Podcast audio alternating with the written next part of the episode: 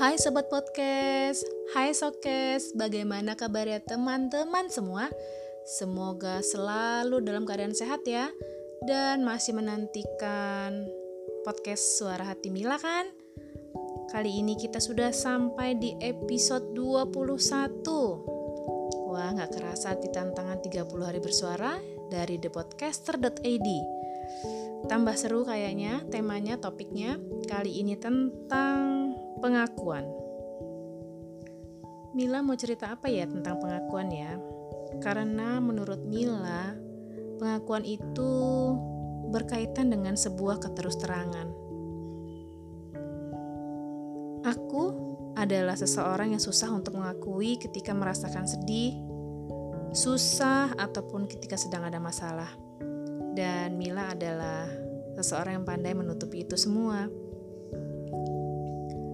terkadang berusaha untuk selalu terlihat tegar dan sabar dalam menghadapi semua masalah dan aku akui aku pernah mengalami itu semua.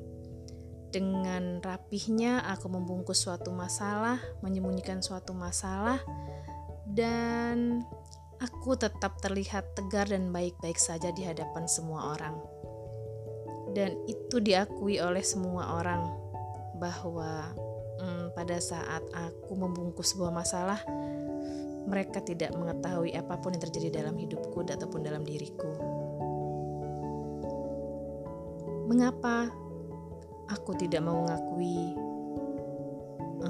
alasan alasan-alasan itu, terutama tentang masalah pribadi atau keluarga kepada orang lain?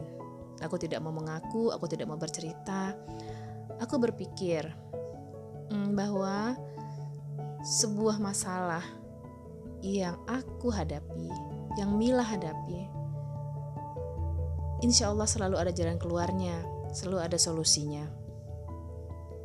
Karena aku berpikir, apakah dengan melakukan pengakuan atau berterus terang atau bercerita kepada orang lain yang kita anggap sudah kita percaya, apa bisa menyelesaikan masalah kita? Ataukah malah dia mengejek kita? Atau membiarkan kita? Atau hanya menjadi pendengar yang baik saja tanpa memberikan saran ataupun jalan keluar? Itulah mengapa Mila terkadang terlihat tegar dan ah menganggap masalah itu ya sudahlah yakin selalu ada jalan keluar dari setiap masalah yang Mila hadapin. Walaupun nantinya dan akhirnya kalaupun memang harus ada pengakuan karena tidak ada titik temu dari sebuah masalah,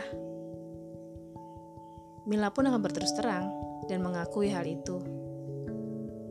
Dan dari pengakuan itu nantinya akan membuat suasana menjadi bahagia, atau malah bisa mendatangkan duka.